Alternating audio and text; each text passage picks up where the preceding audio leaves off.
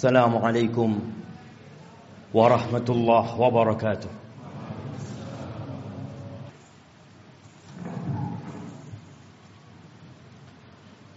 إن الحمد لله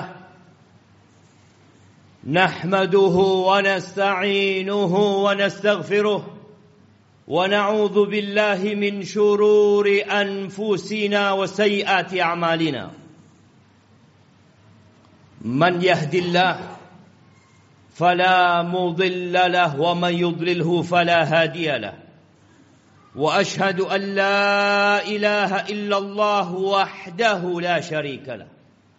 له الملك وله الحمد وهو على كل شيء قدير. وأشهد أن محمدا عبده ورسوله وحبيبه وخليله. صلوات ربي وسلامه وبركاته عليه وعلى آله وأصحابه ومن تبعهم بإحسان إلى يوم الدين. أما بعد فيا عباد الله أوصيكم ونفسي بتقوى الله فقد فاز المتقون. وهي manusia-manusia yang beriman. Saya wasiatkan kepada diri saya dan kepada semua yang hadir di tempat ini agar senantiasa bertakwa kepada Allah Azza wa Jalla. Hanya mereka yang diterima amalannya. Hanya mereka yang akan hidup berbahagia. Hanya mereka orang-orang yang sukses di dunia dan di akhir. Allah Jalla Jalaluh mengulangi perintahnya dan para rasul menyampaikan berulang kali. Dan para pewaris Nabi disampai diteruskan perintah itu untuk mereka. Ya ayyuhalladzina amanu taqullah. Wahai orang-orang yang beriman, bertakwalah kalian kepada Allah. Kalimat yang sering kita dengar. Yang terus diulang-ulang. Karena kita memang sering lupa haqqa. Ketakwaan yang sebenarnya bukan sekedar tulisan yang dipampang, bukan sekedar ucapan yang diungkapkan, tapi sesuatu yang diyakini oleh jiwa kita. Kemudian diucapkan dengan lisan kita dan dipraktekkan dengan raga kita. Dan Allah mengatakan wala tamutunna illa wa antum muslimun. Kalian jangan mati kecuali dalam kondisi Islam. Yang menjadi standar orang baik bukan sekarang. Tapi tatkala ajal menyebut kita. Jamaah rahimakumullah. Setiap hari kita keluar rumah kita. Orang-orang juga keluar dari rumahnya. Anak-anak juga berangkat ke sekolahan. Besok mereka akan melakukan itu lagi. Terus rutinitas yang dikerjakan oleh manusia. Ada yang ke pasar, ada yang ke kantor, ada yang ke pabrik, ada yang di jalanan. Semuanya mencari apa? Mencari uang. Mencari harta. Allah telah menanamkan di dalam jiwa kita kecintaan kepada harta. زين للناس حب الشهوات من النساء والبنين والقناطير المقنطرة من الذهب والفضة والخيل المسومة والأنعام والحرث. ذلك متاع الحياة الدنيا. والله عنده حسن المآب. Allah menjelaskan kepada kita bahwa telah ditanamkan kecintaan syahwat kepada wanita, kepada anak-anak, kepada harta yang berlimpah ruah, yang bertumpuk-tumpuk. Dulu kuda-kuda yang mewah, sekarang mobil-mobil yang mewah. Pertanian, peternakan, itu sesuatu yang sudah dicintakan kepada kita. Itu kesenangan kehidupan dunia. Tapi di sisi Allah ada tempat kembali yang baik. Lihatlah orang terkaya di dunia ini. Ke mana dia bawa hartanya? Dia tinggal. Dia tinggal selama-lamanya di muka bumi ini. Di negeri ini kita sering membaca 10 orang terkaya. Satu fulan, dua, tiga, empat, lima, enam, tujuh, delapan, sembilan, sepuluh, semua hartanya ditinggal.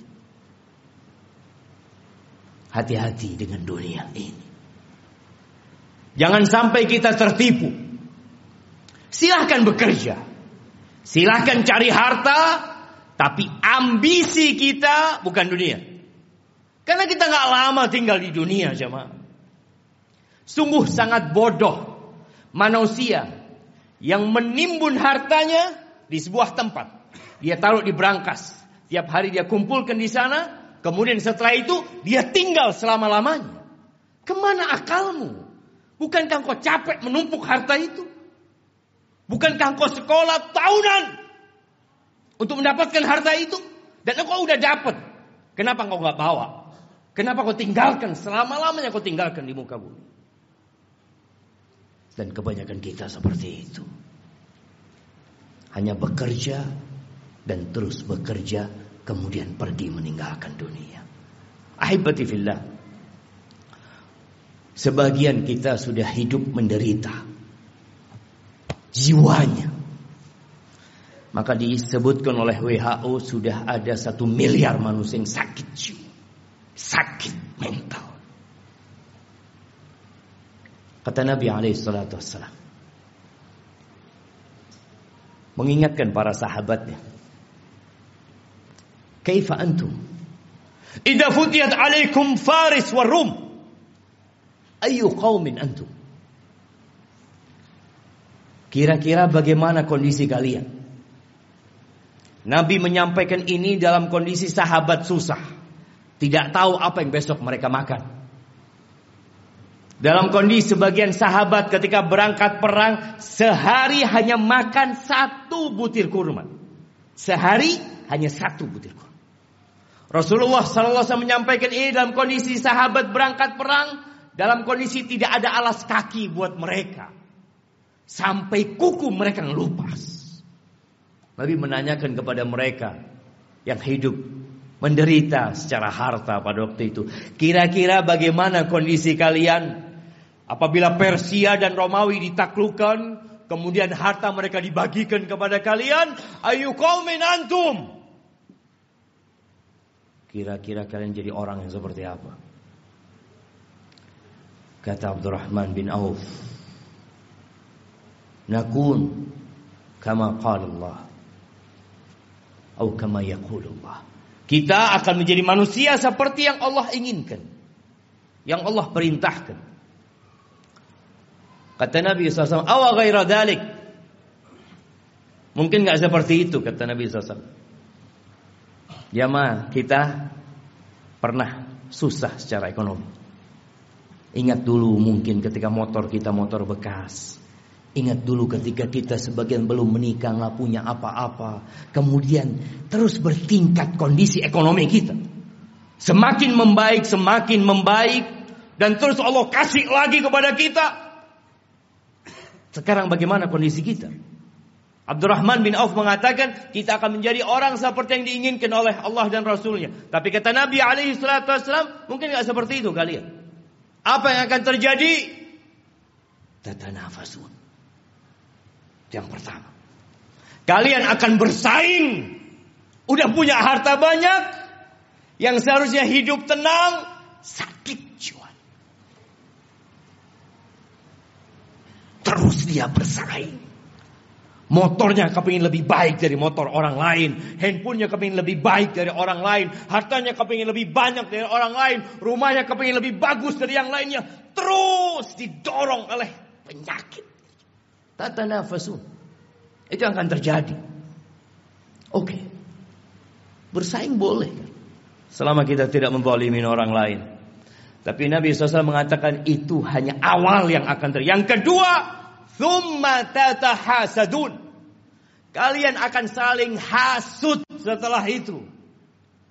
Karena dunia ini sempit jamaah. Kursi-kursi itu terbatas. Kalau sudah ada yang duduk di sana, yang lain nggak bisa duduk di situ. Dia harus turunkan dia. Dia harus menggantikan posisi itu. Kalian akan saling hasut. Kita lihat orang-orang yang di pasar. Bagaimana kondisi jiwa mereka. Yang mungkin tampak sehat-sehat menurut kita. Tapi sakit jiwanya. Nabi menyampaikan kalian akan saling iri. Kalian akan saling hasut. Gak suka orang lain lebih baik dari dia daripada sisi. Gak suka dia. Padahal saudaranya muslim.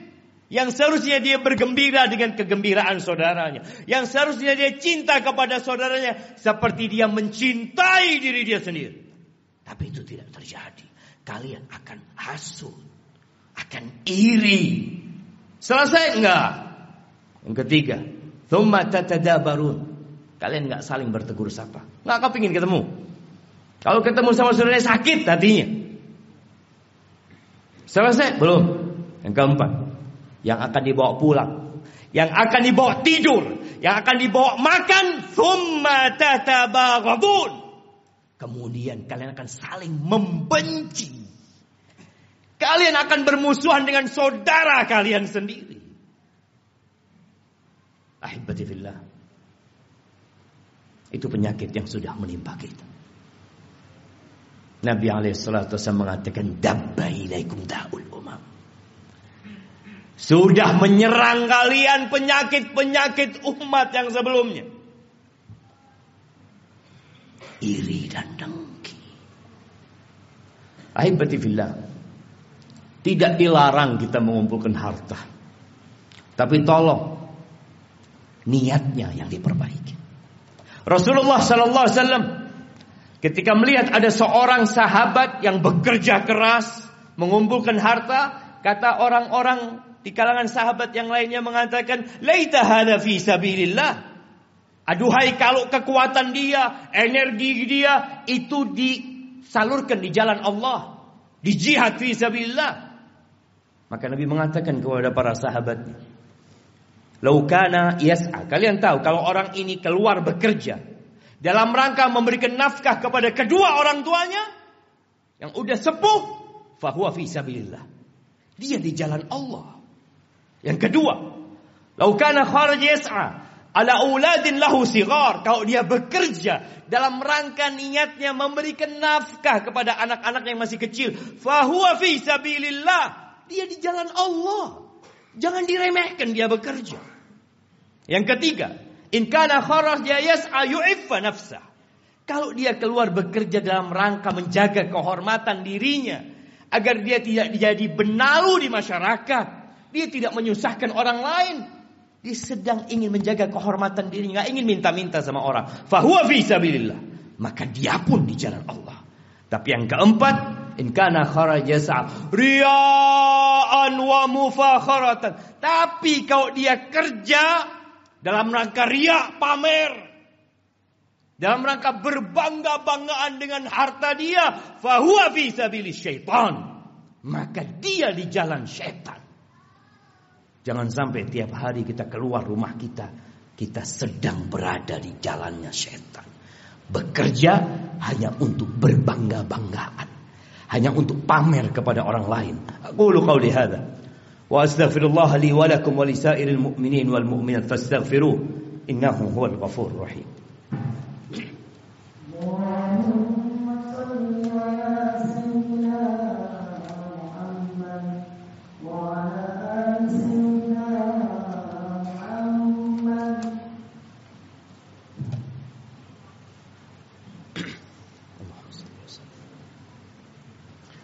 الحمد لله وكفى والصلاة والسلام على النبي المصطفى سيدنا ومولانا محمد وعلى آله وأصحابه ومن اقتفى أما بعد أحبتي في الله Berapa banyak dari orang-orang yang kita kenal yang telah pergi meninggalkan dunia ini. Dan kita tahu hasil usaha dia, rumah yang dibangun, motor yang dimiliki, dan harta yang lainnya nggak dibawa. Nabi alaihissalatu wassalam mengatakan yadba'ul mayit thalath. Yang ikut jenazah kita kalau kita mati tiga. Maluhu wa ahluhu wa amaluhu. Apa yang ikut mengantarkan ke kuburan? Diantar pakai mobil-mobil semua pada ikut ke sana. Hartanya ikut berangkat. Kalau dia orang kaya punya banyak anak buah, anak buahnya ikut mengantarkan ke kuburan. Kalau dia orang terkenal yang banyak fannya, akan banyak yang ikut mengantarkan ke kuburan. Ya, keluarga harta ikut. Yang ketiga amal. Yang dua pulang. Tuh kita lihat ribuan orang yang mungkin mengantarkan jenazah, ada satu yang mau tinggal di dalam? Nggak ada. Anaknya mungkin. Orang tuanya mungkin. Kawan dekatnya nggak ada. Anak buahnya yang dia kasih bayaran. Yang terus dibayar. Mau menemani majikannya di dalam kuburan. nggak ada. Siapa yang menemani? Amaluhu. Bas amalnya. Maka segera beramal. Badiru bil amal. Kata Nabi SAW, segera kalian beramal. Segera. Fitanan kakita illailil muzlim. Sebelum datang fitnah-fitnah. Ujian-ujian. Kekacauan-kekacauan yang seperti potongan malam yang gelap gulita. Apa yang terjadi ketika datang fitnah itu jemaah? Kalau kita menunda-nunda beramal. Menunda-nunda hijrah kita menunda-nunda untuk berubah jadi orang baik. Yusbihur rajulu mu'minan wa yumsi kafiran. Paginya masih beriman, paginya masih beriman. Sorenya sudah kafir. Wa yumsi mu'minan wa yusbihu kafiran. Sorenya masih beriman, datang kajian mungkin dia, masih sholat asar, subuhnya sudah kafir. Kenapa itu terjadi? Ya bi'udinahu bi'aradin minad dunya. Dia jual agamanya. Dia jual. Dia barter dengan sedikit kenikmatan dunia. Nggak lagi mikir halal haram. Yang ada dalam benaknya harta, jabatan, kedudukan. Padahal semua itu akan ditinggalkan. Maka fillah. Hari ini hari Jumat. Harinya bersalawat buat Nabi alaihi salatu wassalam. Harinya dianjurkan kita membaca suratul kahfi. Baca tuh surat kahfi. Baca dengan artinya. Baca pesan-pesan Allah kepada kita. Agar kita tidak diperbudak dengan harta kita. Biasanya imam. Kalau sholat Jumat itu membaca dua surat. Sabbihisma rabbikal a'la. Dan hal ataka hadithul ghasiyah. Tolong pulang dari sini. Baca tafsirnya. Sehingga kita tahu pesan-pesan yang Allah sampaikan. Agar kita tidak lebih mementingkan kehidupan dunia. Kata Allah, bal tu'thiruna al-hayatad dunya. Tapi kalian udah dikasih nasihat tetap kalian lebih mementingkan kehidupan dunia. Wal akhiratu khairu wa abqa. Akhirat itu lebih baik dan lebih kekal. Ahibati fillah.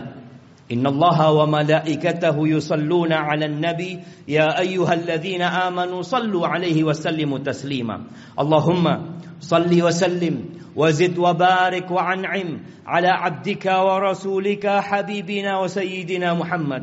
اللهم اغفر للمؤمنين والمؤمنات والمسلمين والمسلمات. الأحياء منهم والأموات. إنك سميع قريب مجيب الدعوات. اللهم منزل الكتاب مجري السحاب هازم الأحزاب اهزم أعداءك أعداء الدين يا رب العالمين.